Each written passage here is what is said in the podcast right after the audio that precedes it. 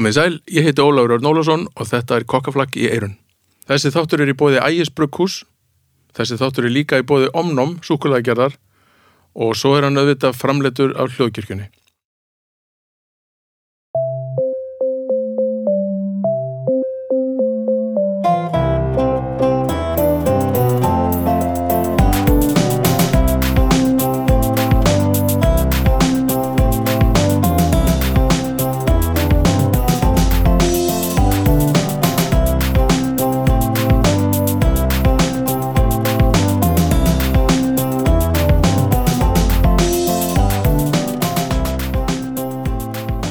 Já, komiði sæl og komið blessuð.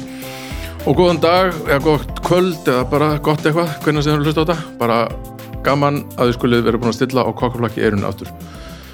Um, Smá fréttir sko, það eru góða fréttir. Nú er ég hættur að nenn að tala um þessar leiðilegu COVID-fréttir. Góðu fréttinar eru til dæmis að hérna núna þegar þetta tekið upp á sunnudegi á föstu daginn, þá var búkustór og haldið ekki bara að Siggi Löfdal okkar hafi rokið, rakleiðis, bent inn í hérna, úslitin, hann var í fjórðasæti af öllum keppendum í Európu fyrir þá sem ekki vita hvað Búkustór er þá er það einstaklings kokkakeppni sem er mjög virt og er oft kolluð bara heimsmeistara keppni maturislumanna, þannig að þetta er brjálagur árangur, fyrstu fimm sætin voru Norrlandu þjóðnar, Norröfu fyrst, svo Svíðjós, svo Danmark, svo Ísland, svo Finnland. Þannig að þetta er frábært, mjög gott. Og við hlökkum til þess að fylgjast með Sigga í Líón á næsta ári aðrar góðar fréttir uh, sem snúaða hljóðkirkjunni er að það er að koma nýr þáttur. Nýr liðismadur hljóðkirkjunar það er að verða sem sagt sex þættir í viku. Uh, þátturinn, nei hættu nú alveg með Villa Naglbíti. Hefur göngu sína núna á förstu daginn á hljóðkirkjunni. Þannig að já, það er ekkert nema frábært. Þannig að hljóðkirkjan býður núna upp á sextætti mánundögum er domstagur og þriðudögum alltaf ég kom og tala við alls konar fólk um mat, kokkaflagg miðvíkudagar eru drauga fortíðar, þar eru Baldur og Flósi að krifja drauga fortíðar og sína eigin drauga einhvern veginn. Og femtudögum er Snæbjörn tala við fólk og það sem gerist í þeim þætti er að Snæbjörn tala við fólk. Föstu dögum eru svo tveir þættir, þá er besta platan, þá er Snæbjörn og Baldur og Arnar Ekkert sem að krifja einhverja plötur með einhverjum tónlistum, einhverju tónlistafólki. Og svo kemur Vili Naglbytur með hættinu alveg sem allir þekkja sem var í útvarpinu heil lengi. Svona frábær spurninga þáttur Þetta er nú svona fréttina sko. Þessi þáttur sem þið eru að fara að hlusta núna er viðtal við frábær konu sem heitir Sruti, Sruti Basapa hún er indversk, býr á Íslandi, búin að búa í Íslandi tíu ár og uh, skrifar um mat og er bara algjör fúti, hún srúti skrifar um mat í greipvæn og á internetið og eitthvað. Og við áttum alveg ógeðslega áhugaverst spjall um auðvitað mat en ekki síst um pólitík og matarpólitík og rasisma og hvernig það er að koma brún manneskja til Íslands og horfa á Íslands samfélag með augum útlending sem eru öðru svo litin heldur en flestir aðrir uh, við tölum um hérna, já, matapólitík rasisma í mat, cultural appropriation hvað er það, hvenar eru við að stela kultúr og hvenar eru við bara að taka ofan fyrir honum? Þetta er alls konar hluti sem við kvítingjarnir hér þurfum bara að hlusta og taka tillit til og já, læra af.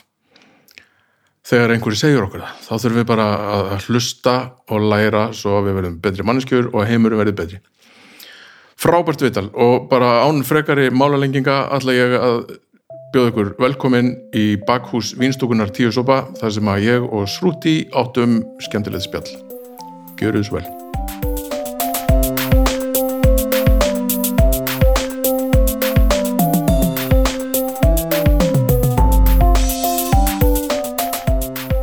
So okay, so I've started recording, and it's this is supposed to be as informal as, Okay. as as humanly possible. This is the first time I do a podcast in a different language than Icelandic. I know. And I'm like really happy to be asked to do it. I was just like, what? Yes.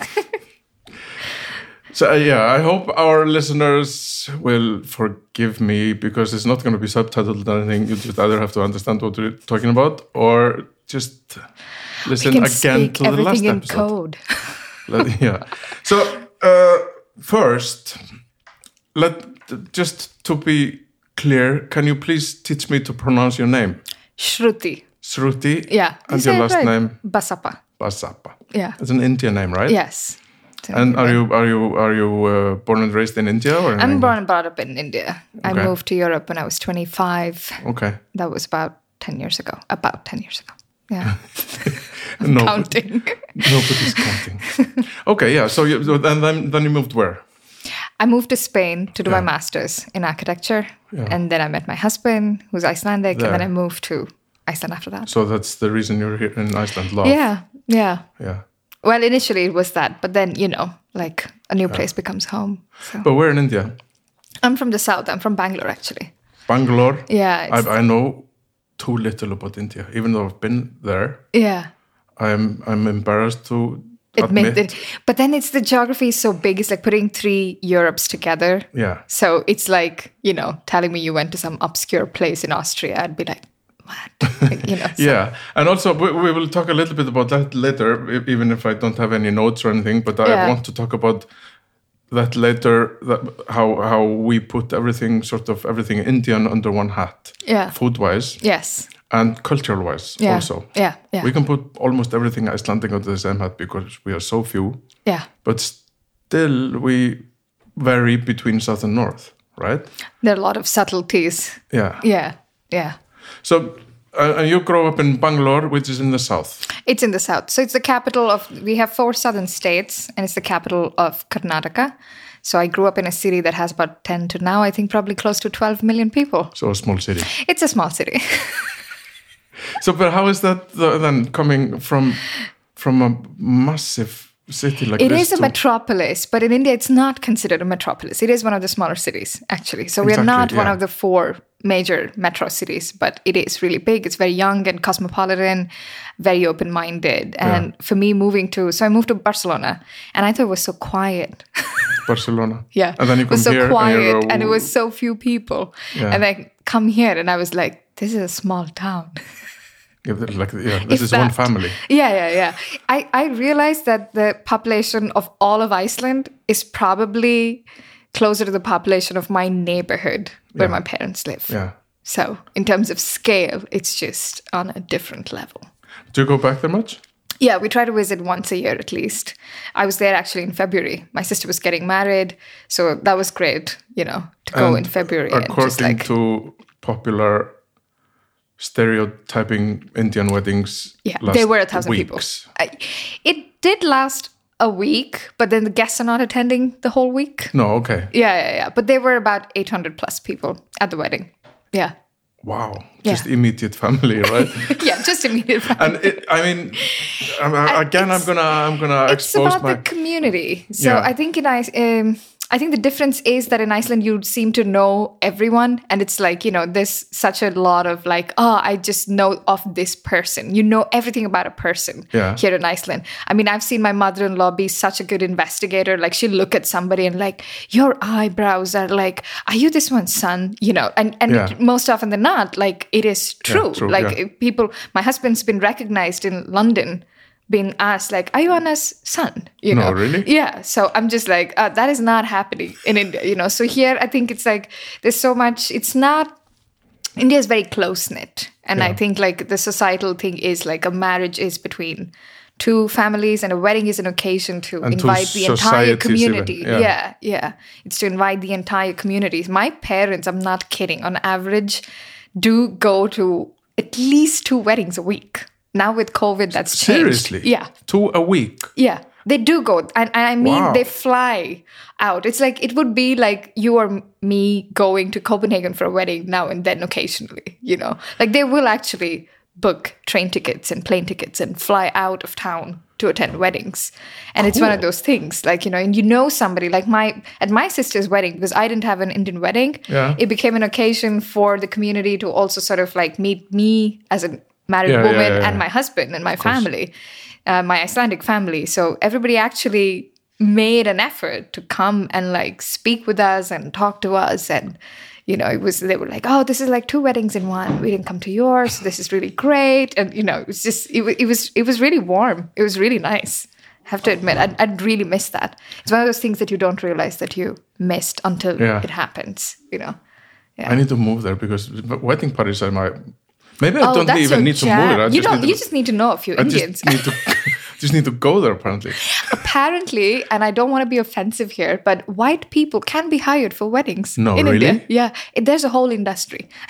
No. I learned about this because I was like, I could pimp my husband out. But why though? Is, does it mm, is it considered I think it's maybe like a, maybe maybe because I also like I said I haven't lived in India for 10 years No. and you know it when the first time we went to India and that with my husband and that was like 7 years ago thereabouts. And I remember we went to a wedding a friend's wedding and I jokingly told him like you know yeah like you know wedding crashing. Like it's a thing you know because I mean in a thousand people Yeah. who's going to know who a- you're related be to a lot you of know? yeah don't know. exactly. Yeah. so you can go for 3 days and really be well fed. As long as Mm-hmm. you're well dressed you can just be like i'm from the bride side of the family or the groom side of the family. But i could see how popular like or like you know white people are hard to miss in an indian wedding so i figure it, it just and now it turns out you can hire That's strangely.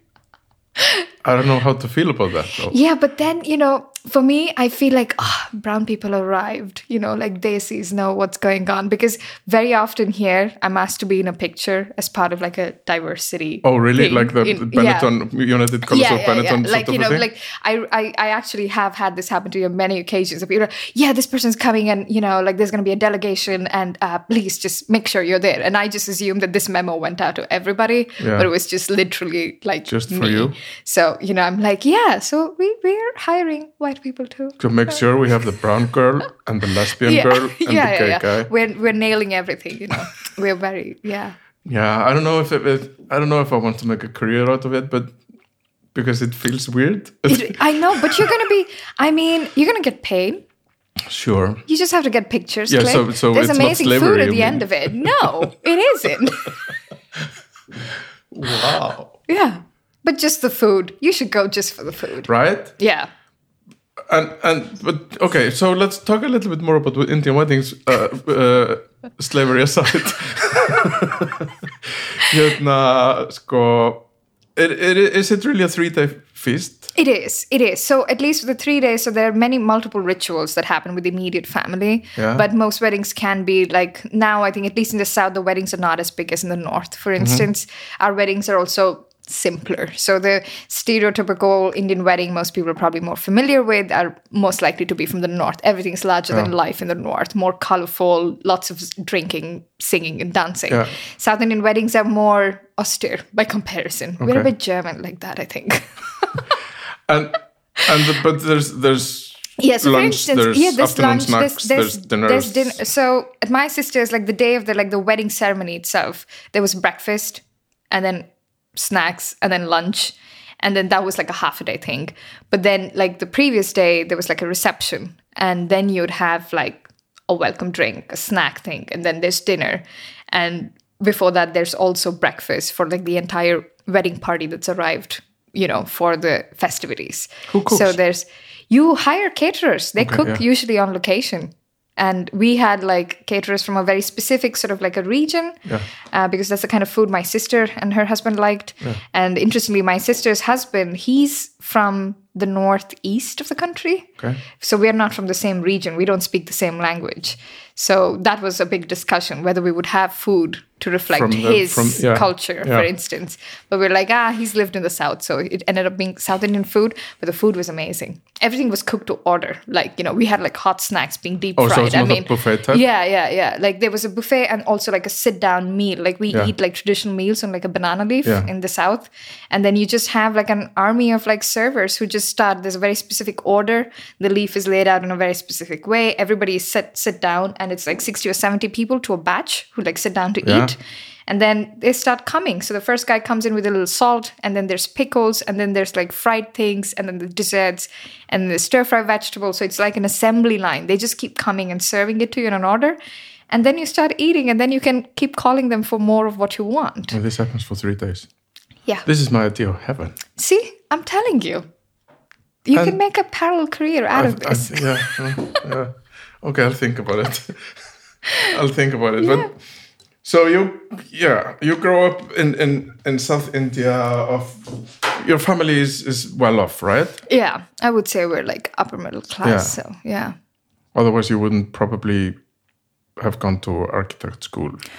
I think the thing is, for most people, what don't most people don't realize about India is there's a lot of social mobility. For Okay, instance, yeah. there's a lot of social mobility. I found it was the culture shock for me. Europe, um, many people have asked me, especially when I first moved here, if Iceland was of a bit of a culture shock. Mm-hmm. Yeah. But I have to admit, Europe, like mainland Europe, wasn't. Iceland was a culture shock for Yeah. me. Also because it's much smaller than I expected, and also you assume that it's what you read about Iceland Mm-hmm. too, right? So I think it was the same thing that I was believing what I was reading about Iceland, the same way people were believing what they were reading about India. Sure. So it was one of those things where you know this is where we were butting heads.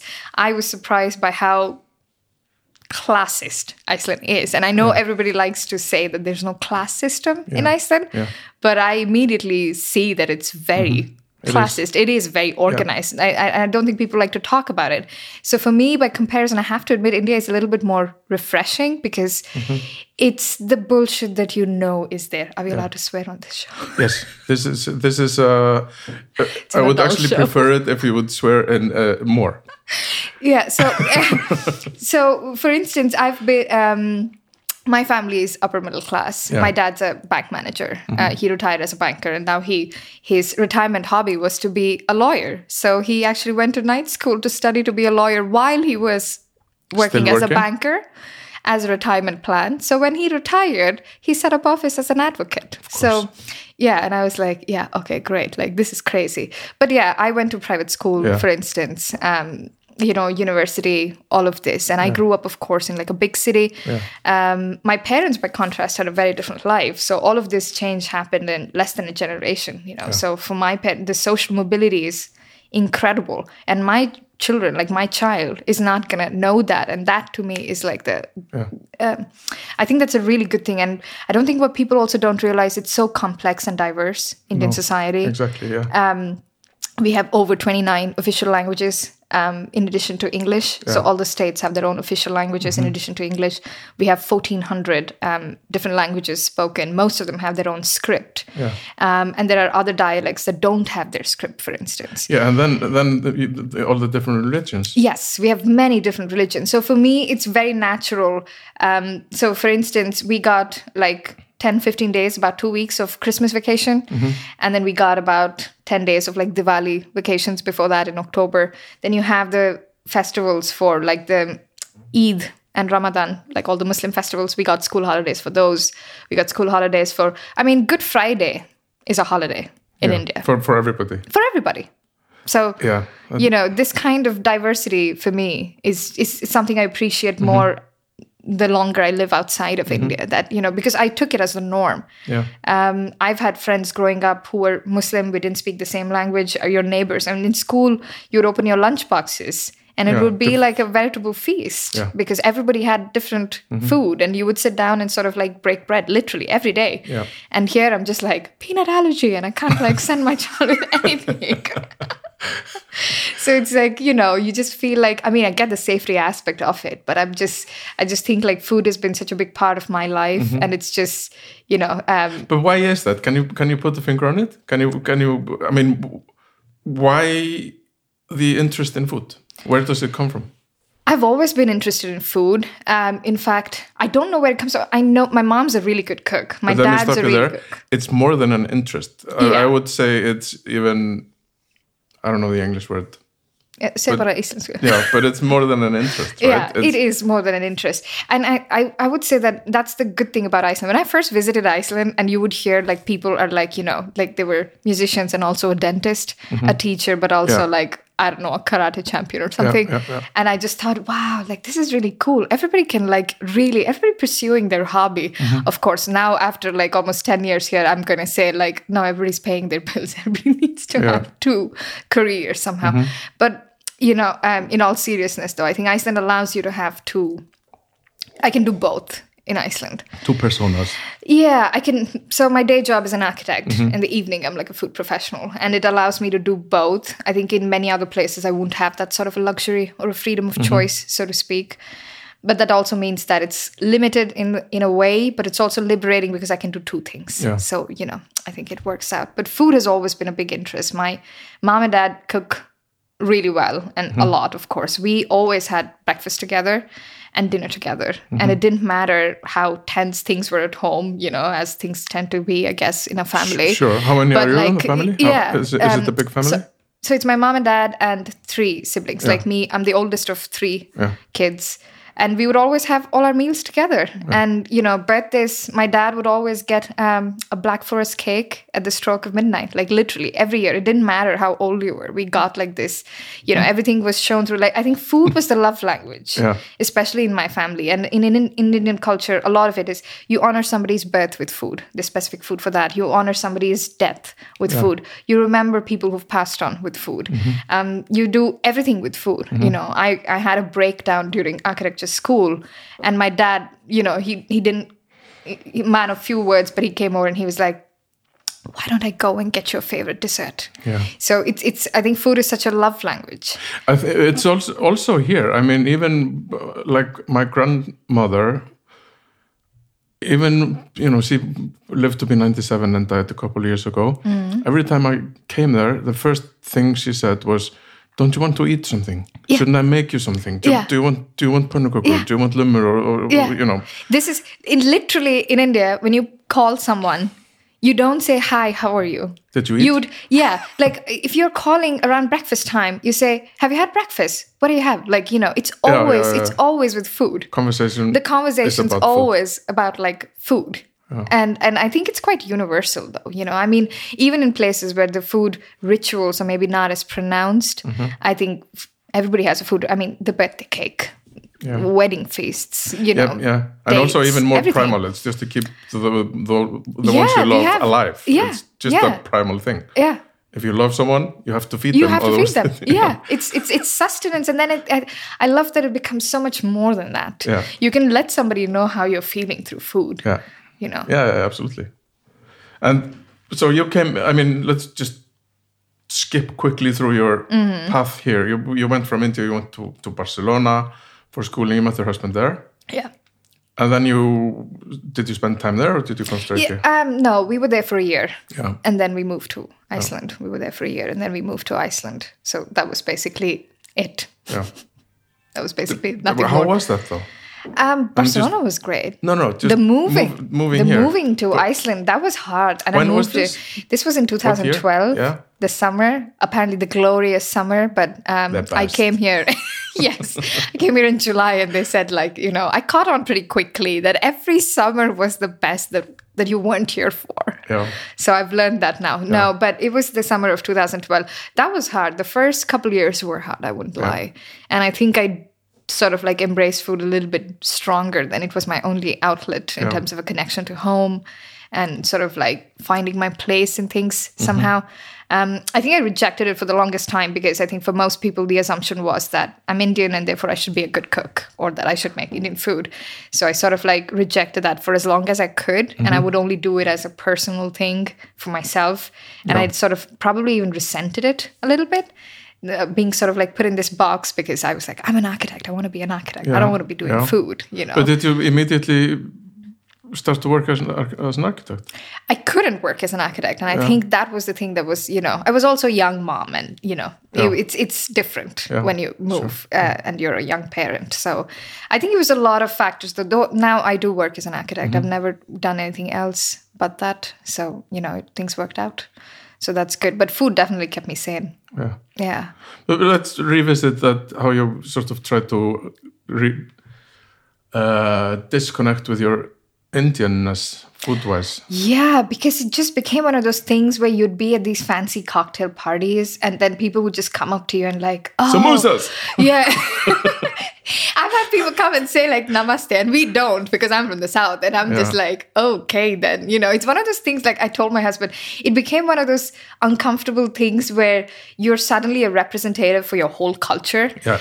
And nobody and, and I know people do believe that they mean it in a good way, mm-hmm. except that they were really boxing it. It wasn't enough that I was a highly educated Indian in front of them. It was the other idea. They would still go back with the idea of Or what they had that a- was stronger. Well-educated person. Yeah, it, it just became like I had to be talking about the rapes in India. I had to be Yeah. talking about the poverty in India. Mm-hmm. Two things that I know nothing about. Mm-hmm. Um, you know, and I had to be talking about that was the only thing I could talk about. Yeah. And if I said anything else, it became, oh, but. Yeah. And the plurality and of multiple realities and truths in India, that's something that, you know, um, I came to terms with after moving here because I don't think I uh, even encountered my own Indianness as much as I did here because it was like in my face. Before that, you don't think that you are Indian, you're Mm-hmm. No. just you. And then here it was just like, you're Indian, you're Yeah. Indian, you're Indian. You're suddenly a representative for like a whole Yeah, culture. yeah. And I'm a terrible representative for my culture. so I wasn't. No, I think you're good. But, but but this is interesting though because uh, I mean there is not much Indian culture known in in Iceland, so it's it's probably a, almost normal for people to sort of want to ask about it Mm-hmm. and assume that you want to represent it. But I, I get it. It must be quite difficult though. it is exhausting in a sense. It, I know there are there are probably others who wear it very well. You know, this sort of uh, But responsibility did, that's did you given. feel like you had to sort of read up on things and be I didn't go that far, although I did come up with a parallel narrative. And the narrative was that um, I was a child bride and my husband rescued me when I was six. And I knew this was the story that would fly well. And you could see this was what they wanted to hear. This was really what they wanted to hear. There's only four years between, my husband's four years older than me. Yeah. So when he would have rescued me, he would have been 10. Yeah. I would have been six. Yeah. But I knew that this is what they really wanted to hear because they were going back with this narrative. It wasn't enough that you were saying, oh, yeah, that is true, but this is also true. Mm-hmm. Yeah, yeah, yeah. It was just like, oh, yeah, but I've been to India once, Mm-hmm. so I know this, or I read this. And I was just like, you know, I'm going to just go to every party with like a Viking hat, you know, with the horns and everything. It became one of these comical things. that I Mm-hmm. was just like, you know, yeah, this is going to be my truth. I was a child bride who was rescued. Because I think the thing is also, many people don't realize is, when they're asking you about India, at the same time, they also want you to be grateful to be Mm-hmm. in Iceland. Yep. And it's that that is missing because I because my That husband's a- that- Icelandic. yeah. I see that he doesn't get this in India, Mm-hmm. for instance. So I know the white man is at the top of the pecking order, and I think people everywhere know it. Women know this. Everybody knows their place, you know. But Mm-hmm. to sort of see it play out in a personal dynamic versus an article you read is a whole different universe. You know, my husband hasn't had trouble working in India, for instance. We do workshops in India, and it's no problem. He's a professional. He's him. But I am first First Indian. first Indian, then, Then his woman. wife, then then everything, you know. But that has changed. Yeah. You know, Do- and I've do you think seen so? I think that has changed and it's changing in Iceland and I think it's been Can you nice put the to finger sort of on like why? I don't know. I think there's been more people being vocal about it. Mm-hmm. Um, I, and I don't think it's because of people like me. I think it's really because of people like my daughter, but who were like adopted and brought, Yeah. born and brought up here in Iceland, or like people who are not necessarily the Icelandic looking people. You know, they have the same struggles. Mm-hmm. Yeah. So I know this is just just an isolated thing, and I know it's changing. There's at least a platform, and it doesn't matter who's convinced about it or not. The fact that people are speaking out about it and people are listening, the fact that we can talk about it today now, like in Yeah. I, yeah. I'm, I'm glad to hear that it's changing. I definitely because think I it's am changing. so, you know, I'm of course just stuck in my white privilege, but I try not to be. Yeah. I try to learn about, Yeah. you know, and and sort of be aware of my white privilege. yeah. So I, I'm really glad to hear that it's slowly changing, and uh, I, I think it's definitely that- changing, and I do think that I have. I might not have white privilege, but I have other privileges. You know, I have the privilege of my the class that I come from in India, for instance. That buffers me from a lot of um, choices that wouldn't occur to me. For instance, you know, um, and my education is a privilege. I'm also aware that even as a brown person. Um, I have more privileges that are different than if I were from Eastern Europe. So I'm aware of, you know, where I stand Yeah, in this. and that's that's the most important thing. If you just let people point out your privilege and accept it and sort of carry on. Okay, let's talk about food. Yes. But we can also talk about food and politics at Yes, the same time because yes. that's very because you wrote a, a status status on Facebook Yes. last week, was it? yes. If we set it up, there's this article about Asian restaurants in Iceland. A list of I was one of the uh, Contributors. I saw yeah. like my name's on there too. yeah. So, and just for for whoever hasn't read it, Mm-hmm. Your status at what? So my status, it wasn't okay, to be clear, it wasn't just to call out this one particular No. article, but this is just a vibe generally too. You see it in the food groups where people are talking about it, and I know it's a little bit of a question of education and other things, but then you know this was about a best Asian restaurants in Reykjavik, you know, and um, I just think there's everything's so problematic just with that headline, you know. So when this particular um, person reached out to me and asked me to sort of like be part of it, Yeah. and I just said like, well, I find that very problematic. So we just had a back and forth conversation about it, and I said, well, if push comes to shove, if you're asking me, then my best Indian is this, my best Thai would be this, and you know, because you're not going to compare a bun Thai with an Eastern India. I mean, it's it's it's completely ridiculous, you know.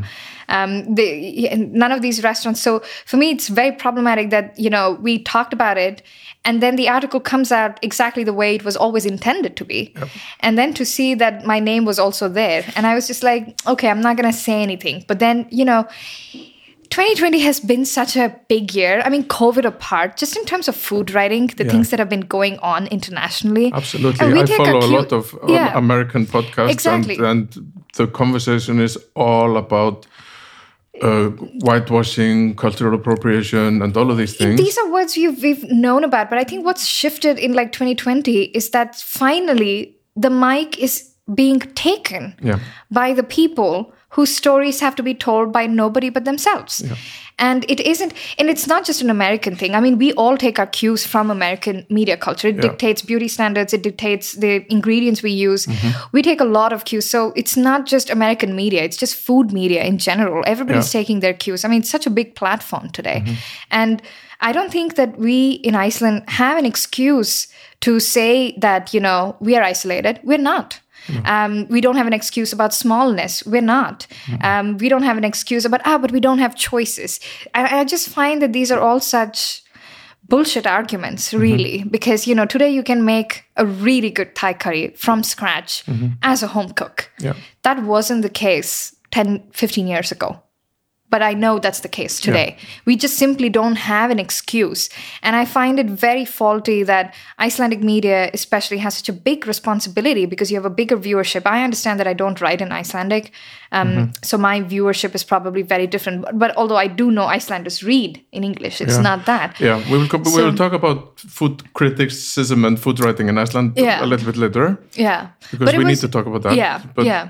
But this Asian thing, so I just made a post basically calling out this attitude that we have that, you know, we wouldn't do a best, bur- we do a best burger Yeah. Mm-hmm. listing, you know, but then we lump all of the Asian restaurants together. and I just yeah. think it's such a disservice to people who are both running this these restaurants. Mm-hmm. Um, and, you know, eh, the minute you put soy sauce on a steak, you can charge Asian. 8,000 krona for it because now it's elevated. You elevated something.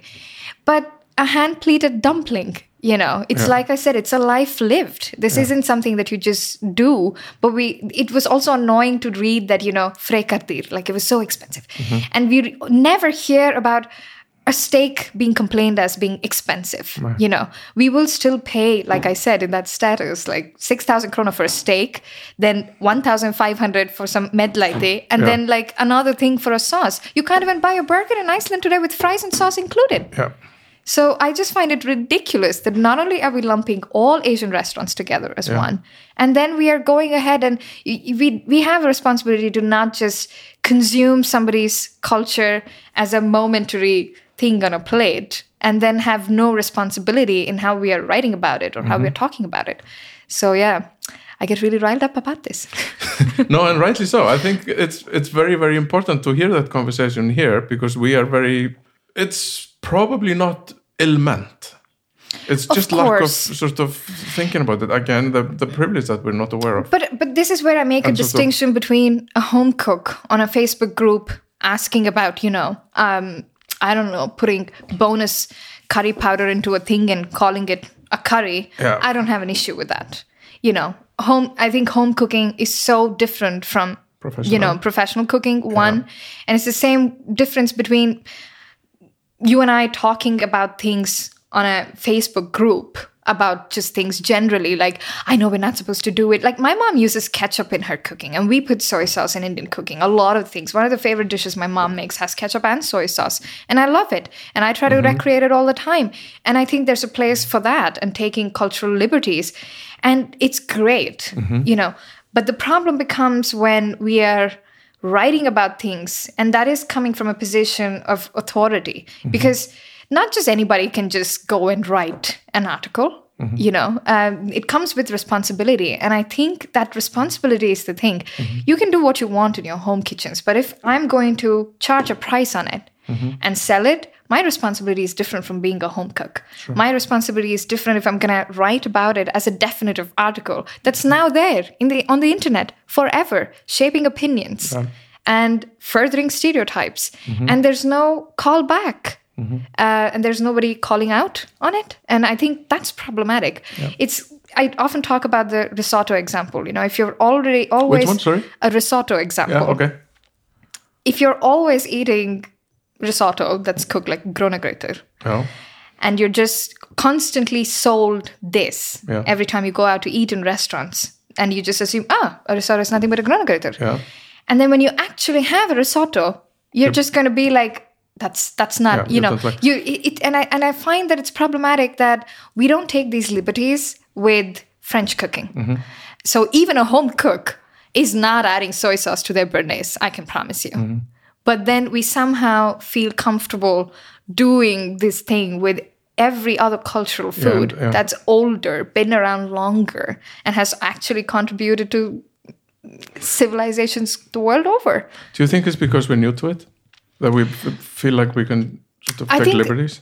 I think the newness, you know, um, I bought into this argument when I first moved here, and I think I was more forgiving of it. But I also know that the people who are writing about things and talking about it and going out and eating this and cooking the food, we are well traveled in Iceland. We have we travel a lot. We, I mean, uh, we eat out a lot. Um, we are not Iceland from the 1850s who has to eat the seaweed that they stuffed into their pillows. We, we've come a long way from that. So I'm just like, you know, if you have, all, if you've already know of it, it's not that much further to know better about it. You know, and I think that's that's true. Mm-hmm. Um, the silver spoon has been in everybody's like home libraries here. I didn't even know of the book before I came here. You know, um, so to me I, I I- i just think that we are new to it yes and therefore i think that we have a bigger responsibility because we are not starting from scratch we mm-hmm. already know what not to do.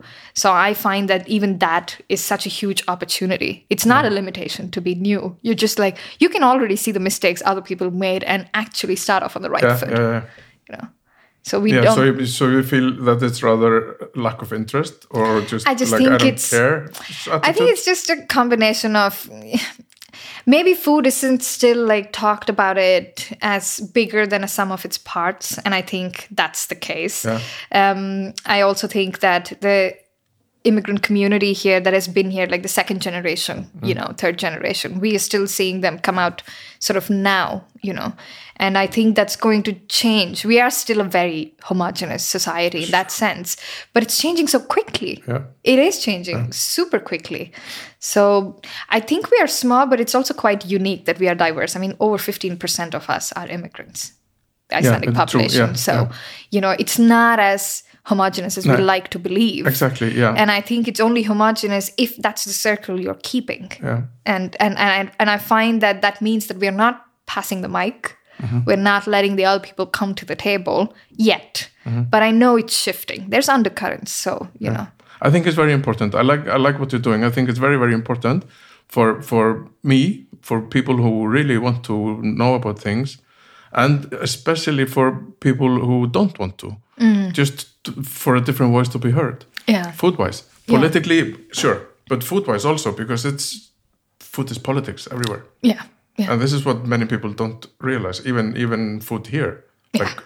Bændasamtökin og lambakjöt og and all of these things. Food is It- extremely political. yeah. Just in Iceland, I've been looking at the old ads, um, like in Morgunblaðið, like from the was it from the fifties or sixties, maybe. Like you would just see these ads for like um, cultured butter, like a farmer is just like you know advertising that he has this much butter Mm-hmm. and he's gonna like, and you can see, and food is so political in Iceland. I mean.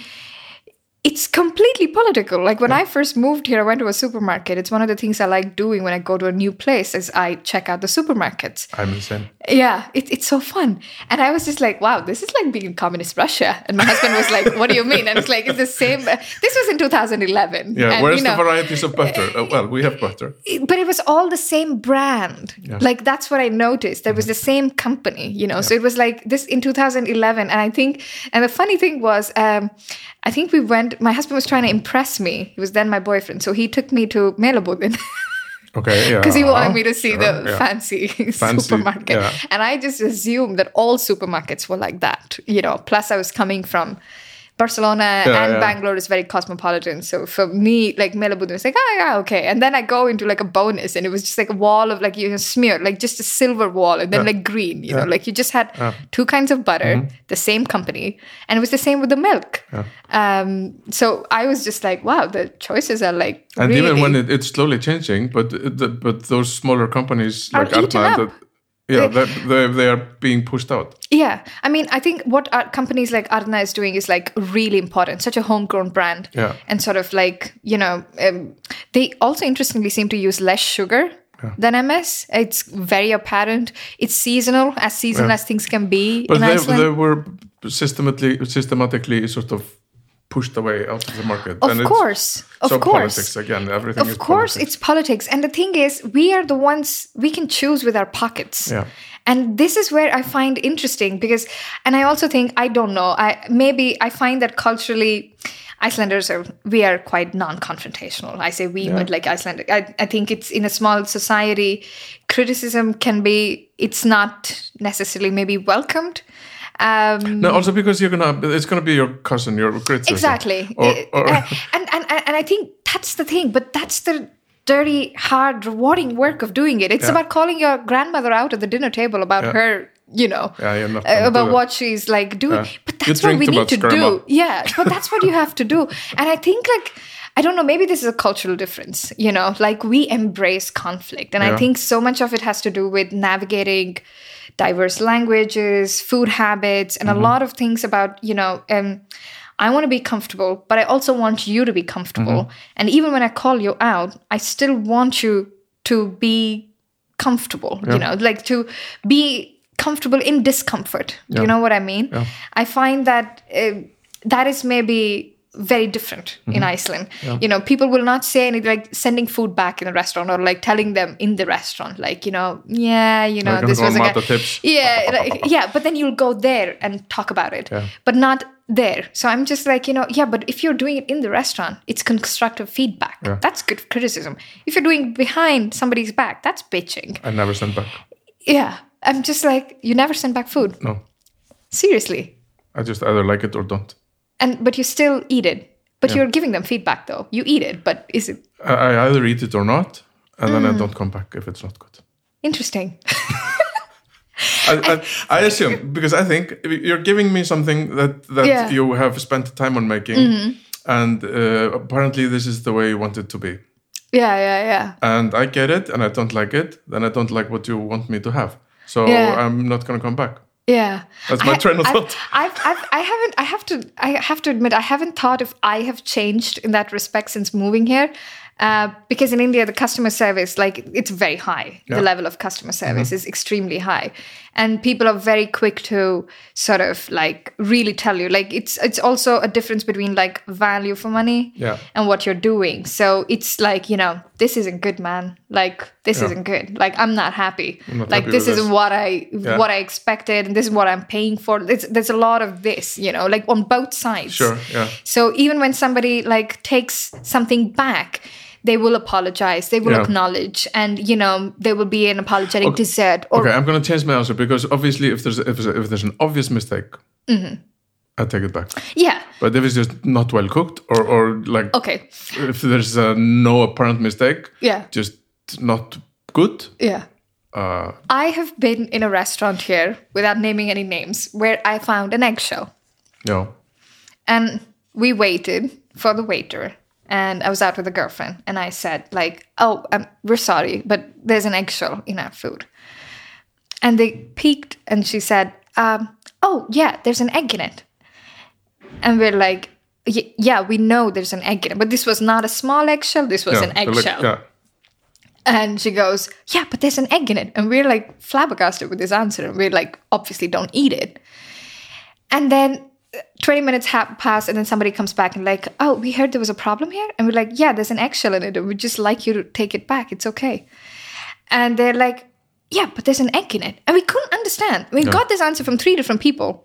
And eventually, when we went to pay, nobody came and took the dish back. Nobody There's- apologized. There's fur in my lamb dish. Yeah, yeah, Yeah, yeah. lamb I mean, it's lamb, you know.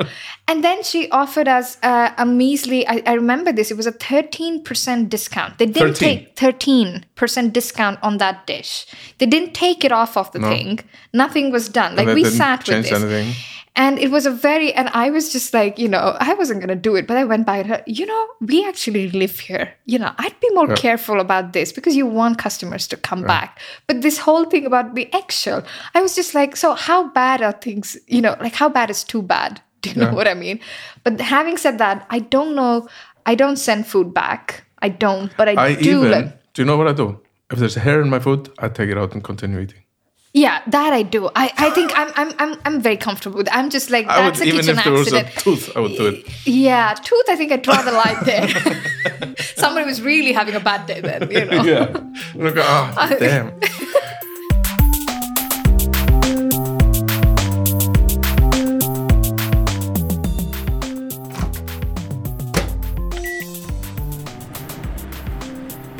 Þessi þáttur er í bóði Ægis Brugghús. Ægir Brugghús er brugghús út á Granda í Reykjavík og þar stendur bruggmeistarin Ólafur S.K. Þorvalds vaktina og býr til helling af framúskarandi skemmtilegum bjórum sem fást í ríkinu og að völdum börum í Reykjavík. Hann kemur reglulega með nýja bjóra en nokkrir eru þó alltaf til. Það er til dæmis Fantur sem er kaffi IPA og vefur vínbúðarinnar segir að sé rafgullin, óskýr, ósætur, þéttur, beiskur kaffi, barkorn, karamella. Hann er bruggaður í samvinnu með kaffi brugghúsið og er framúskarandi góður. Aðrir sem alltaf eru til eru bara bjór sem er ale og ghetto juice sem er skíjaður lagabjór með miklum karakter. Óli býður líka upp á bjórnámskeið og smakk fyrir hópa í ægiskarði sem er salur sem hægt er að leia fyrir alls konar uppákomur og partí. Tekja á því á ægiskarður.is og farið í ríkið og prófi bjórin frá ægi brugghúsi.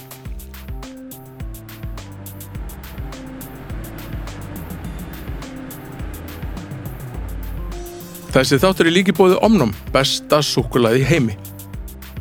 Omnum er eina súkkulaðgerðin á Íslandi sem gerir súkkulaði frá grunni úr hágæða kakobönum. Allt er handgert á staðnum í litlum skömmtum, svo kallað Small Batch Artisan súkkulaðgerð, eins og fína fólkið í útlöndum kallaða. Omnum býr til súkkulaði sem er regjanlegt frá bondanum sem rækta bönina og setur svo á það alls konar frumlegt gúmilaði. Mitt uppáhalds er hvíta súkkulaði sem er með lakrís og sjáasalti. Reynda finnst mér líka sjúklega gott að fá dögt 66% Madagaskar. Þetta er bara allt saman alveg styrla.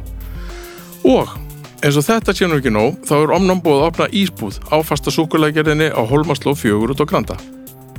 Þar eru bóðið nokkri litríkir og frumlegir ísréttir, allt unnið úr gæða ráöfni eins og við er að búast frá omnum. Kíkið á omnum.is til að skoða úrvalið af ís og súkulæði, nú eða drífið ykkur í ísbúðina hér snarasta.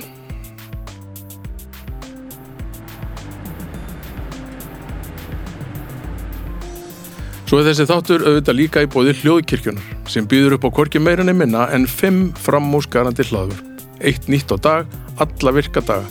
Á mánudögum er domstagur, á þriðudögum kem ég með kokkaflækið ykkar, á miðvíkudögum draugar fortíðar, á fymtudögum tala snæpjörnum við fólk og á föstudögum er besta platan. Þú getur hlustað á hljóðkirkjuna á öllum helstur hlaðvarpsveitum heims. So let, this brings us directly to food writing because I am very opinionated about food writing in Iceland. I, in my opinion, we need more food writers. We need more restaurant critics that, to keep us on the toes, us, us restaurateurs, because we always think that we're doing well.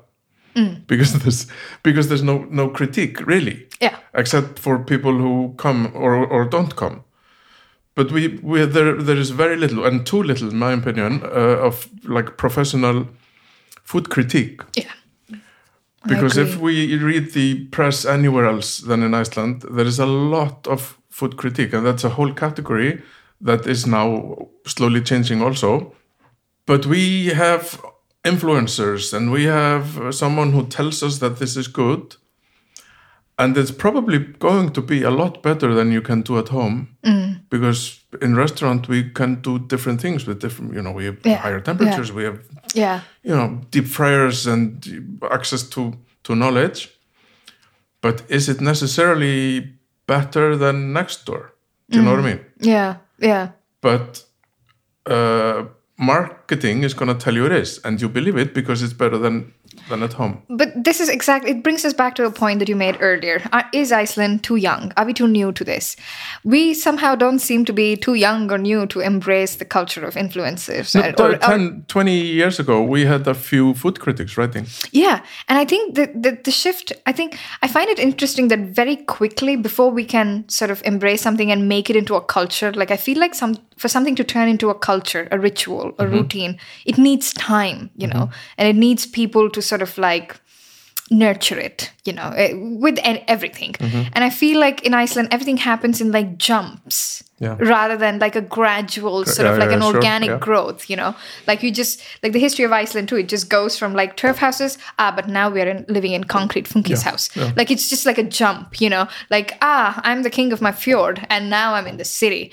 But then, and I think it's interesting that even in food, it's the same thing. We go from like a very poor country that was really starving to suddenly like an industrialized ora canned food we now shop in supermarkets Mm-hmm. you know we go from like books you know where helga sigurdardóttir is talking about Matur og drykkur is like skinning like eels. And Mm-hmm. you assume that if she's writing about this and dedicating chapters to it that people were also doing this. You know it wasn't just like an idealistic way of doing it but we'd be doing like you know from scratch. And then again we to jump. food again to food, food politics. I was talking to Nanna Rögnvaldardóttir on one, one of my programs. Yeah.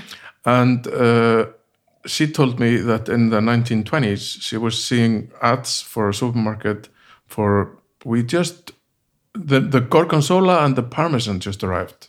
Yeah. And i said what what why what what why didn't i grow up with gorgonzola and parmesan? yeah. what happened?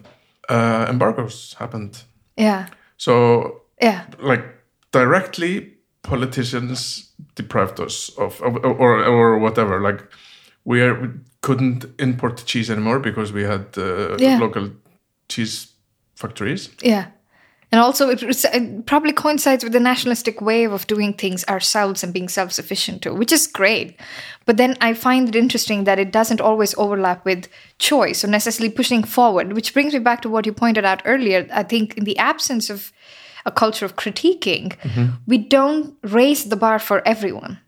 And I think that's what happens. And I think that's the danger of everything being good. You know, mm-hmm. everything is good. Everything mm-hmm. is the best. Everyone is really good. I call this the gold star tendency mentality. Like mm-hmm. everybody gets a gold star just for trying. And that's simply not true.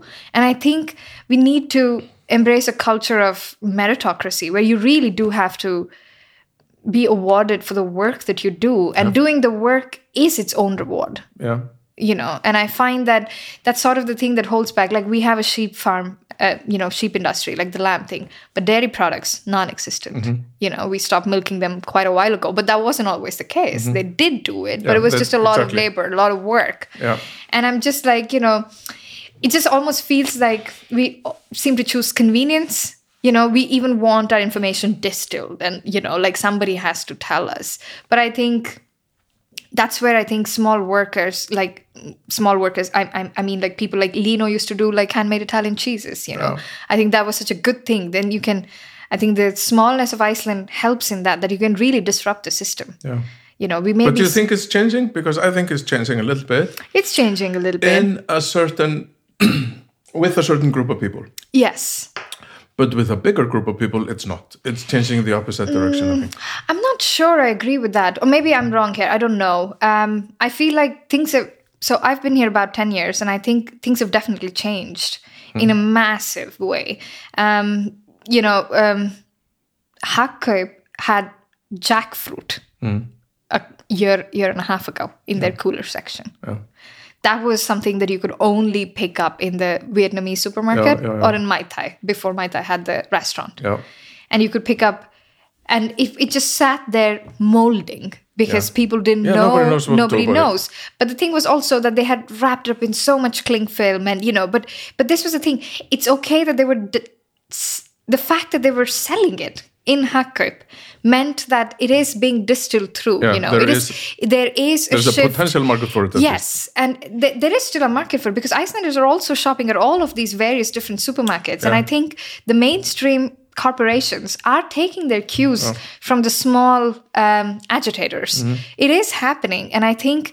Uh, it's it's a matter of time, Mm-hmm. you know. Like, could when did you start buying soy sauce in like typical supermarkets, like in Bonus? When did the first soy sauce start to appear? you know, Uh, I'm going to put it differently. I, I until uh, maybe 10 years ago, I used to buy my soy sauce in bonus, but now I don't because Yeah. now I know there is better. yeah, yeah, I can get better produce yeah, if I go to uh, closer to the source. Yeah. which is the my my case the the Asian supermarket in in Skeifan. And this is exactly the responsibility of food writers and food professionals and food critics because, like I said, like when you do. I don't know how to say it. You raise the bar for everyone. It's Yeah. basically that. Not everyone is doing the best, the best, the best. You No, know, exactly. not every this is- burger is the same. Not every fry is the same. I mean, and I think we need to embrace this. That you know, you, because food is also you know, it's not just some flippant little thing. You know, No, it keeps you is alive. a- it yeah, we're dedicating three hours a day to just this. Yeah. Even the person who's not interested in food Exactly. Is still going to do it. Even if know? you just have, has a, have a bowl of Cheerios for for yeah, for lunch. it's still a choice. It's not a choice. It's made for you. You are going to do it. I mean, food is exactly the thing. Cooking and food is exactly the thing that separates us from the other animal Mm-hmm. world. And this is this is literally the beginning of human civilization and Mm-hmm. evolution as we know it. So it still has the same level of importance. It still has the same Mm-hmm. amount of time and effort that we spend into it. Yeah. So I don't understand how not writing about restaurants, for instance, could be considered frivolous at all. Um, and to me, I take it very seriously also because it's one of those things like architecture, I find that, you know, once you do it, it's not your baby anymore. And there's no memory of this perfect meal that comes out of the kitchen. You know, this is like a little thing between you and the chef. And once you eat that meal, it's done. All that lingers of mm-hmm. it is the memory of it. Mm-hmm. It's everybody who worked to make it come together really well. It's so intangible and ephemeral. You- mm-hmm. You'll only think about it and it only grows stronger. The memory has such a big uh, role the smell, the taste, everything, you know. But do you And- feel like you, you you eat differently after you started writing about about food? Do do do start to sort of dissect everything and like oh this No, I, I, I, I do. Uh, I have to admit, like food has been in my life for so long. Like the first time I won a, a writing competition, so I did a lot of writing growing up in Okay. school, and I did creative writing, and this was a really big deal, sort of like a creative writing competition. This was between like I think 120 schools or something. It was a small competition, and. like everything on such a different level. I know, there were Okay, 120 sure. schools. And I remember I got a prize because this wasn't a competition organized by my school, but it was something that you took part in. And I got a prize and I got prize money. Typically, you didn't get prize money, you don't get cash prize for these things. Okay. You get like a plaque or a certificate Yeah. or a medal or something. But I got prize money. And the first thing that I bought from it was a cookbook. Okay. And I think I must have been 10 or 12, not older than that. Okay. And I bought a cookbook. I still have that cookbook. And it was such a thing for me. And my favorite thing to do was to watch TV shows, like cooking shows. Mm-hmm. You know, I had a favorite chef who always came on thing. And, you know, I watch, I grew up watching Heston Blumenthal had a show on Discovery Channel. He oh. used to have this science food show, you know, that's what I did.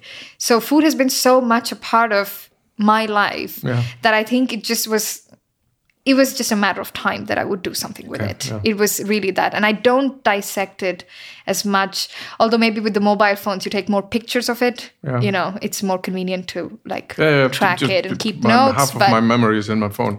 yeah, basically. it, it's basically that. So, you know, but now I don't think I dissect it unless I'm in with a group of like minded people. Then, you know, and that's the event, then you do it. But, you know, not really. No, you still enjoy it. I enjoy it. I, I love food. I love food. But do you, do you get offended if somebody gives you something bad? No, No? no. Because I do. I haven't reached that level of stardom yet. no, I. Uh, if I go to a restaurant and somebody doesn't bring me their best, I get offended. yeah. But I, if I if, if somebody just if if people just bring me their best, I'm happy with it.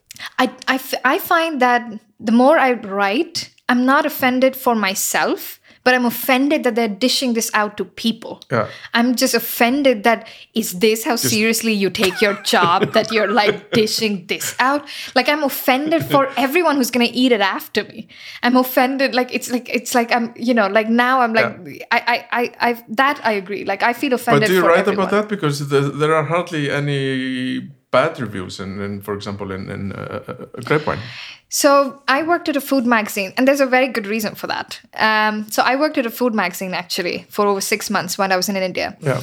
And I would, uh, it's called Food Lovers, and it was one of the premier food magazines in India. I would compare it to Food and Wine, you know. Uh, and um, I worked with a very good, my editor at the time, who's also the proprietor and the editor of this magazine.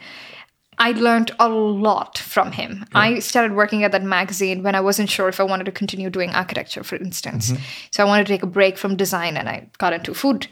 And I had to start from the bottom. So, you know, I would proofread recipes that were coming in from mm-hmm. chefs. And I, that's basically what I was doing. And I had to really wait until I could do like a review. And even then, like he had very clear guidelines for it. And he just, his principle was simple. You know, we pay for every meal that we're going to write about, number one. So nobody owns your opinion. Yeah. Number two, and the biggest lesson was that if you don't like a meal, you don't write about it. Yeah. because there's so much work that goes into putting a magazine together you know. Uh, in this case it was a magazine of course. We only bought out one issue every two months. And there was so much work you know the photographers the typesetters the writers themselves and then the editing team. There's a whole production that goes Sure, yeah, behind of this course. of course and he was just like you do not want to be telling people to go and not spend their money on something. You have to look at this as an opportunity to tell people Yeah. where do you go and enjoy yourself and have a good time. Just by choosing not to write about the other places, Yeah. It's quite obvious. I agree with this philosophy. I think it's very, very nice. And uh, like Jonathan Gold does this in, in LA. He never Yeah. wrote about things he didn't like. But, and, but on the other hand, to write, to read a well-written bad review, Yeah, it's a joy. I know. but I think I did it once though. really, I, I think I did it. I did it once, and I um, uh, I was warned that I would get flamed for it, and Yeah. um, it wasn't even I think a bad review. But I, I remember like the thing is also with the grapevine at least there's a good system. Nobody's like reaching out to me directly. They go through the editor Yeah. still, so I usually hear from them later like you know somebody was like unhappy about something although people have i think started to because this is something i haven't like actually said out in public before that I don't write about the things that I don't like. So now it's on record, but this is the thing. And I think people have, restaurateurs have started to catch on it. They've sort of Yeah. caught on it because I heard some snide remarks apparently made to other people that, ah, she doesn't write about us. no, I, I think I think it's. I mean, of course, it's good. Uh, uh, we shouldn't celebrate. Yeah, I mean, know, I, I have a hard time celebrating mediocrity. Yeah, I, I really have a hard time. Like, it's very hard to write preach, sister. Yeah, it's. I mean, I, I and I think this is where my Indianness really comes out. Like Indians, nothing is good enough except if it's like number one and beyond, right? Like it wasn't. An, yeah, like my. Pa- are you kidding me? Have you not heard about tiger moms and like Asian parenting? How do you not? no. It's not enough to be number one. Who beat you? Like you know, it's like it's wasn't enough to be like number one, like first class. You had to get a distinction. Oh. It wasn't enough to scrape above the distinction level. Like, did you really make? Is it cut? really like this, It is really like that. So it's It not just re- a I'm not- stereotype from no. uh, from uh, from sitcoms. No, it is like that. And I think it's so true because, you know, if you're a country of a 1000000000 Mm-hmm. and the window of opportunity is so, I mean, Yeah, you have to stand out. you have to stand out. The, the competition at an, is another level. I mean, but then again, in, at a smaller scale, Icelanders don't queue up for anything. I mean, even in a Well, small, we queue up for Costco. yeah, we queue but, for shoes. Yeah, but this is what I'm saying. But imagine, like, and look at that queue over there. Like, Mm-hmm. you know, like, and if this is your window of opportunity and you have, like, like the school competition I mentioned, 120, you're not going to get by by being mediocre. No. No. True. You're simply not going to. It just doesn't make sense. You know, of course, I don't, I didn't always appreciate the pressure growing up with it, but I can also see that it has really paid off for me as an adult. Do uh, are you a tiger mom? Do, do, do you bring your kids up like this? No, my, my daughter would probably disagree, but she doesn't know the internal conflict that I'm holding back. So I, I know she will thank me. Do you think this later. is much? Yeah, mm. I'm, I'm, I'm. Oh, she has no idea because we were reading a book and Roald Dahl is like crazy about this, right? Like the kids are all orphans and you Yeah. know they're being locked up and beat up, and she goes, "What do you mean by beat up?" And I'm like. This child right here is your privilege speaking. the fact that you don't know what this is. She asked me, What is being grounded? And I was like, Yeah, my job is done here. Like, you know, Yeah. yeah. I struggle with it, but you know, So- she'll. yeah. So you put pressure on your kids to be No, for me, I think it's more be important- either bad or good. Don't be mediocre. yeah, mediocrity is mm, no. I think that's such a middling, like to just get by. Yeah. It would Yeah. it would it would be too much for me. I mean, and I think why are you even doing something if you just put, don't and put that your is the problem with most restaurants and food writing. Why even bother to do it? Like Mm-hmm. this article in question was everything in quotes. yeah It, it- a friend of mine called it, put it very eloquently, faucet journalism. You didn't even write anything. Mm-hmm.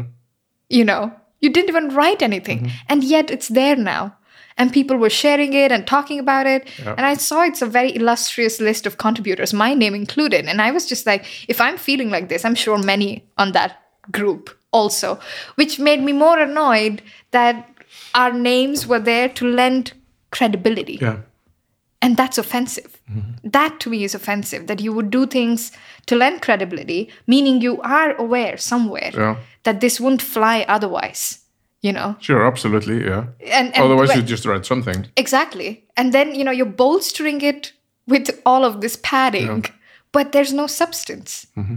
Why do it? tell, tell me something uh, because I don't know oh well I have I have an idea but um, I'm not sure I know so when and this is this is heavy Yes. right Yeah. in food the difference between cultural appropriation and respect of the culture food wise Yeah. it's a thin line right how do you how how do you know how to navigate this I, I think it it's heavy. goes, yeah. yeah, but I think it goes back to the Béarnaise example. béarnaise Yeah, Okay. like you know, do we take the same liberties with certain foods that we wouldn't with others? Mm-hmm. For instance, and I think therein lies your answer. You know, the fact that we expect. I mean, like I mentioned in that post as well. If you've made an Indian curry from scratch, Mm-hmm. if you've made but if, what if you just buy Madhur Jaffrey's can or whatever in, in the store we're gonna have doesn't- indian tonight I have, I have a bag of things i'm gonna put it in a no, an Indian Th- curry. this is again like you know i think convenience is one thing but if you're taking liberties I, for that matter you know I, we are buying béarnaise cold mayonnaise out of Mm-hmm. a thing here. So you know i'm i'm, I'm going to separate convenience. There's a place for convenience you know and home cooking. So i i would i would not like i make a very clear distinction there because i find that if the conversation about it it eventually trickles down to the commercial choices people are making. So somebody has already you know it's, it's the same thing like with fashion with design with mm-hmm. everything you know. Somebody always makes the choices. So when, even when you feel like you're making a choice no it's already been made for you. So I, I don't want to talk about the commercial thing aspect of like convenience but i think the other side is that if you're taking liberties with things that you won't with other people's food then therein lies your answer. And i think traditionally we have seen that that that's been the case the way we celebrate we even celebrate who are we celebrating? You know uh, what food are they making? And it's quite well documented especially in the western world i think that you know if i were to do indian food versus a european chef doing indian food it would be a completely different thing. And we've seen that play out consistently. We've seen that play out in the world's 50 best rating the restaurant listing for instance. We see it in the michelin. We, we see it everywhere you know. It's a top down approach. We see it everywhere. And i think I, I ask because we have a lot of, uh, let's say, with big air quotes, ethnic restaurants in, in Reykjavik, Mm-hmm. with Icelandic people doing the food? I think if you're going to honor the tradition, the culture, and the ingredients, and you're very clear about what you're calling it, mm-hmm. what you're making it, there's a place for everything. Mm-hmm. I, I take more offense with the fact that people would go on a two week inspirational tour to some place and then come back and say, I am doing XYZ. You're mm-hmm. not doing XYZ. You are not doing Japanese food simply because you went to Japan. Yeah. You know, I will never claim to do Icelandic food. I will never claim to do French food, for instance. But if I put in all that work, But you can you can call it French inspired. You can call it you Japanese can call it inspired. inspired, and there's a place for fusion food. I Yeah, love fusion food, and the, you know, there's a place for all of these There's a things. whole genre even, yeah, but- but I think the problem becomes, you know, th- and that's where the responsibility of the food industry comes in. That who are we talking about? So we have two supposedly Middle Eastern restaurants, Mm-hmm. and I know how we talk about both of those. You know, one is run by the people where, where it is a way of life, and the conversation is constantly how overpriced it is, and we won't pay this much for that food. But the same people don't have qualms going to a similarly inspired restaurant on the mm-hmm. main street and paying twice as much for an experience that is somehow cooler, better. I don't mm-hmm. know. And we're not even getting into authenticity, you know. Authentic is very different. I'm from India and we don't, you know, and that's one thing like with French cooking that's so different is that our food is just like the curry that my mom makes is very different from what my grandmother makes, mm-hmm. my mom's mom, simply because the distance between them Yeah. is very different. You know, it translates into the food. Of course. So authenticity But is this is everywhere, right? Of course, ah, but it's at a much different level. For instance, like you can only call a hollandaise a hollandaise. It's very, you know, it's a mother sauce. You know this, but it's not the same with like a curry. Like if you ask an Indian how to do a butter chicken, you'll get like ten different answers. If you ask ten different Indians, for instance, so authenticity authenticity aside i think it comes with respect. And i think that's where food writers have a responsibility to call it out and to see who are we shining a light on? Yeah. you know it isn't enough to just do things a little bit ways. Mm-hmm. And somehow i find that it's only when predominantly white chefs are taking going someplace and doing the food that we're elevating no food needs to be elevated there's a place for fine dining but somehow as soon as you do i also hate this word exotic cuisine ethnic cuisine like food that is not non-european food i will say it that way you know then Sure. somehow we're talking about elevating it Or or a different part of uh, uh, from a culture that's not not not uh, from here. Let's yeah let's put it yeah, this way. Yeah. yeah not the major n- Yeah. not the not the majority Yeah. then somehow we're always trying to elevate things you know elevated street food Mm-hmm. Or and you're play like it down. yeah or to play and I, and I just find that it's so disrespectful that you would condense an entire culture Mm-hmm. to a five ingredient list first of all and then nothing is what it's supposed to be because Mm-hmm. it's inspired and then you go one step further and you say loosely inspired and you go a step further and say no this is what i like from that culture but then you're using the same names for the dishes Yeah. you are going ahead and calling them exactly what they would be called somewhere else, except you're serving grjónagrautur in the name of risotto. Yeah. But then acting as if you are serving a risotto, and now you're defining everybody's takeaway from this to be that dish. And then we walk away from that meal thinking, oh, I learned something today. Mm-hmm. Except I didn't learn anything. I learned how not to do things. And I think this is a combined responsibility between restaurateurs and food writers to constantly keep each other on their toes. On their toes, yeah. Because a meal is more than a sum of its meal. And I think you have that. If you if you already think it's okay to go and learn from some other culture and sort of embrace it, you are making a choice there. Mm-hmm. And then you do not get to cherry pick No. you know exactly. everything. If you're selling it putting a price on it and, and profiting off of somebody else's culture you have a responsibility. That and that's the distinction. I can put 10 different things from japan and korea and india all into one pot. It's fine if i'm doing it in my home. It's also fine if you're doing it in a restaurant if you just don't call it sushi. exactly. Exactly.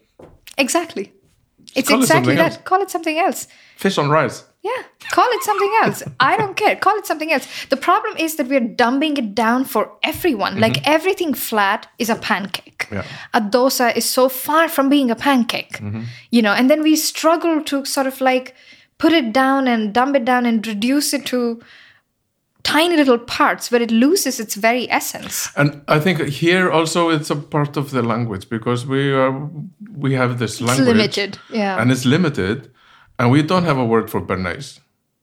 We don't have And a don't word for to- beiner and lynch, like, No, no, no, exactly, exactly. yeah, We, every beans are beans. yeah. Peas are beans. Yeah, I'm just like, what? even even corn. Yeah. and so when I teach my Indian cooking classes, I always tell people if you went like I lay out like typically like many different lentils, and then it's just like if you went to a store and just asked for gula in it, which one are you picking mm-hmm. really? Mm-hmm. You know, like I didn't know maize was called corn was called gula in it. gular baunir. Yeah. Yeah. I, I I learned that recently, and I'm still like I We eat never that get in over Christmas. it. We, we have gulla I bunir and with our yeah, and they're so unrelated, and it's so, and that's where the newness of Iceland, of course. But then we always come up with new words. yeah. But the Icelandic language, we're always coming up with new yeah. words, and then we are saying spaghetti. Come on, it's not hard to say injera if you can say spaghetti. Mm-hmm. Do you know what I mean? We say pizza. We're, we're I mean, we, we're too lazy to even call chicken chicken today. Kjúlli. I hate that word. Yeah, me too. Makes me wanna- Fröller also hate it. It makes me want to scratch cringe. myself. It- It's Yeah. really cringeworthy. Like I'm like Kjúlli. I'm like ugh. Like you know, no. Like no. it's really Ah, yeah. This is. We have a lot to think about. Mm-hmm. I think we have we really do have a lot to think about, and I think it's very very important. Like I said before, that this is this voice is heard because otherwise we just wouldn't think about it. We would just start to, you know, yeah, I'm gonna make sushi with with you know jasmine rice and uh, apple Yeah. vinegar. yeah. Although the one food trend that has to die in Reykjavik has to be yuzu. I mean, can they stop with the yuzu and truffles? Are we not talking about You, that? are every, is everyone using, using yuzu? Using yuzu. Using yuzu, yeah, yuzu users. Yuzu is good. Truffles are good, but nobody's using truffles though. They're No, using truffle uh, oil. Truffle oil. yeah, Like, and then there's difference between good and bad truffle oil. But Exactly. people seem to be using a lot of the bad one. Yeah, That's just I think- I think we- we- perfumed with uh, whatever. I don't know even. What. Uh, yeah but this, this this is the thing like you know then how do you then make a distinction between what one is better than the other you know to even make a choice an educated choice I can tell you when I was a kid. Well, well yeah, young. I when I tried. I, I used to like pineapple a lot, and I thought that pineapple just came from cans, Hmm. and that was the only pineapple I had ever tried. but you knew it was a fruit And I knew it Yeah, was fruit, yeah. yeah. But then I came across a fresh pineapple when I was traveling somewhere and tasted it, and I just didn't like it Mm. because it didn't taste like pineapple. yeah it didn't taste like the pineapple you knew Exactly. yeah and this is exactly the responsibility i'm talking not that you know it, not that it means that you like everything you try if you try it in its most authentic way that's not the probably, point Probably not even. Yeah, yeah, yeah. uh, So, you know, I, I think we we have such. It's a problem of abundance in Iceland. Really, we don't have a problem of, you know, um, logistics aside. We don't have a problem of if today everybody wanted to, you know, we could all be shaving truffles on our thing. You know that that really is the fact. Like, you, do you know what I mean? I'm saying the problem isn't about like, this. lack of I like I like where you're going with this. I'm saying there's no lack of, there's no embargo on information. No. There's no embargo on exposure. There is no embargo on travel. And the easiest way you can travel anywhere is on your plate. Yeah, exactly. It's simply that. You know, so why would you want the equivalent would be like my parents coming here and then being really disappointed that nobody's wearing a Viking hat and Yeah, like, you know, yeah. sort of swearing and cussing and spitting everywhere. Do, do you know what I mean? like feeling really cheated out of an experience. Do they come here? Have you have they been? Yeah, they've been a few times. Yeah. They've been three or four times now, and uh, they like it. But it was a little challenging for my mom um, because my mom's mostly vegetarian, and in the beginning, like you know, people get really flustered if they have to cook for a vegetarian. So for a long time at family dinner parties, she got like raw cauliflower, which we never eat raw in India. So we would just, she was just like, "Oh, I've." I've never had like raw cauliflower, and you know, like it was just like you No. know, oh, I've never had canned corn like you know like it was just like a revelation to my oh, parents Gular baunir. yeah good No, no, no. It's not corn. It's it's yellow beans. you yellow know. beans yeah yellow beans you know so it was it was like a revelation for my parents uh, about the food, like how little we cook here in Iceland and the lack of variety. I, I talked about this somewhere. I can't remember where, but, but someone told me, and I, I it blew my mind that never in in the history of the world have we had more cookbooks published and more TV shows about cooking. Yeah. At the same time, people are cooking less and less at home, Yeah. Yeah. and this is apparently a fact. I'm just gonna. Sort Yeah. of now take it from a Wait, source wait, where I don't yeah. know and just fucking throw it at Yeah. you. But I, I feel it's right though because people eat out more than they have done. Um, I'm not talking here. I'm talking just globally. globally. Yeah, yeah, yeah. I Oh, can. maybe not globally. Maybe in the Western world.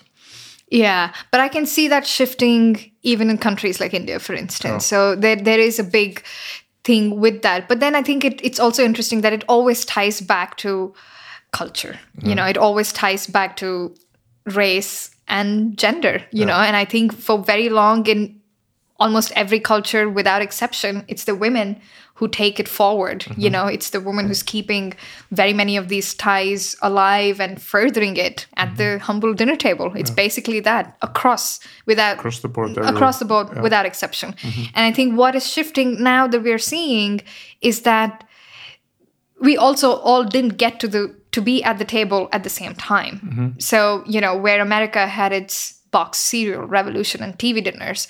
We didn't have that in india at the same time. I'm i'm only comparing it because i know the two Yeah. things well.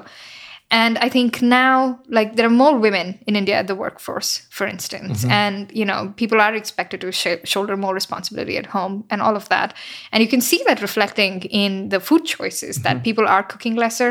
People are ordering out more. For instance when i went back to india i saw like how much my friends like my age group like my peers were ordering out all the time like almost every meal was something that there was a takeout Yeah. and And then you come home and watch a cooking program on TV.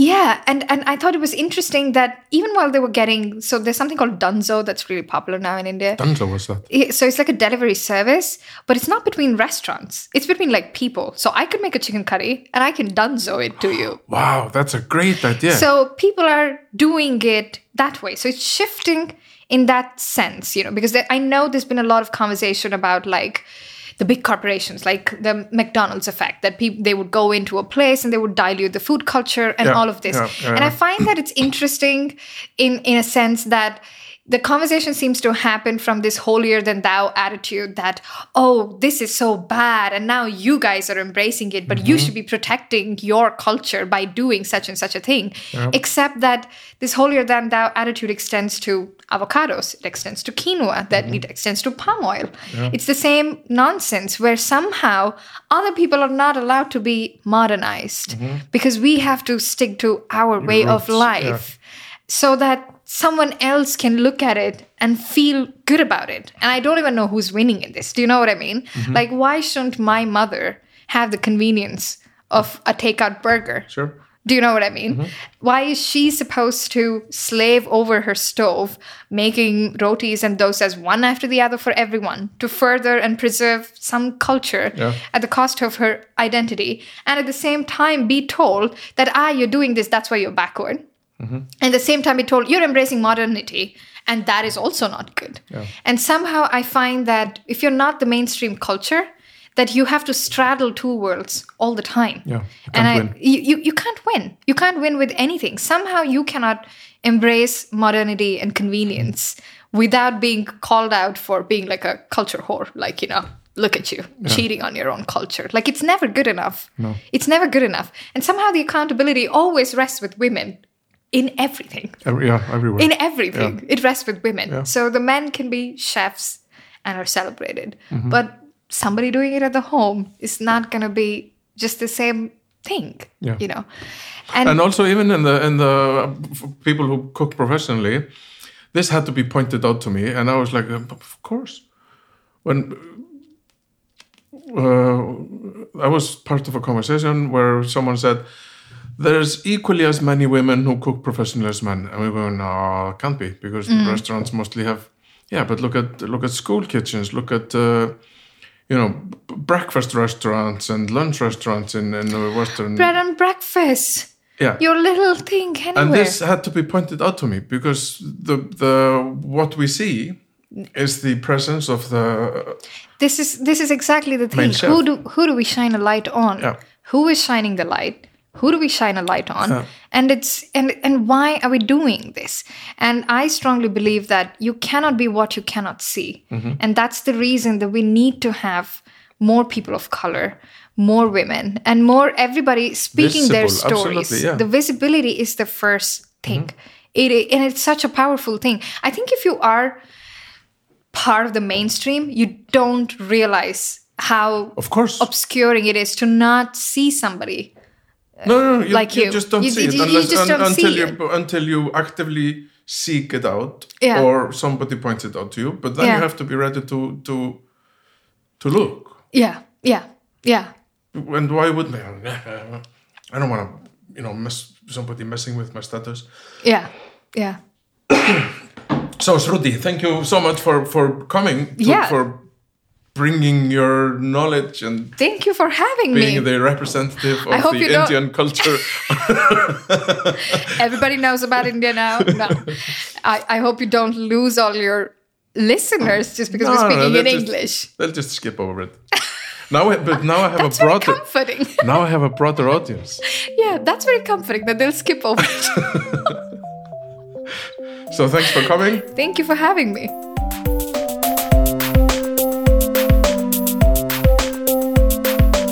Já, þetta var svona, þetta var hans rúti og, og bara aftur ætla ég bara að segja hvað mér fannst þetta ógislega mikilvægt og skemmtilegt og bara, veist, hlustum, verum betri mannskjur. Uh, við þurfum ekki að hafa þetta neitt lengra, ég ætla bara að kveðja en áður en kveð þá ætla ég að minna bara enn einu svona hljóðkirkjuna og nýjan þátt hljóðkirkjunar sem að er nei hættu nú alveg það sem að er fjallað um hvað, hvernig var þetta aftur? Fátt er betri en íslenska lambalur kjötið. Eitthvað svona. Hérna bara bless, takk. Sjáumst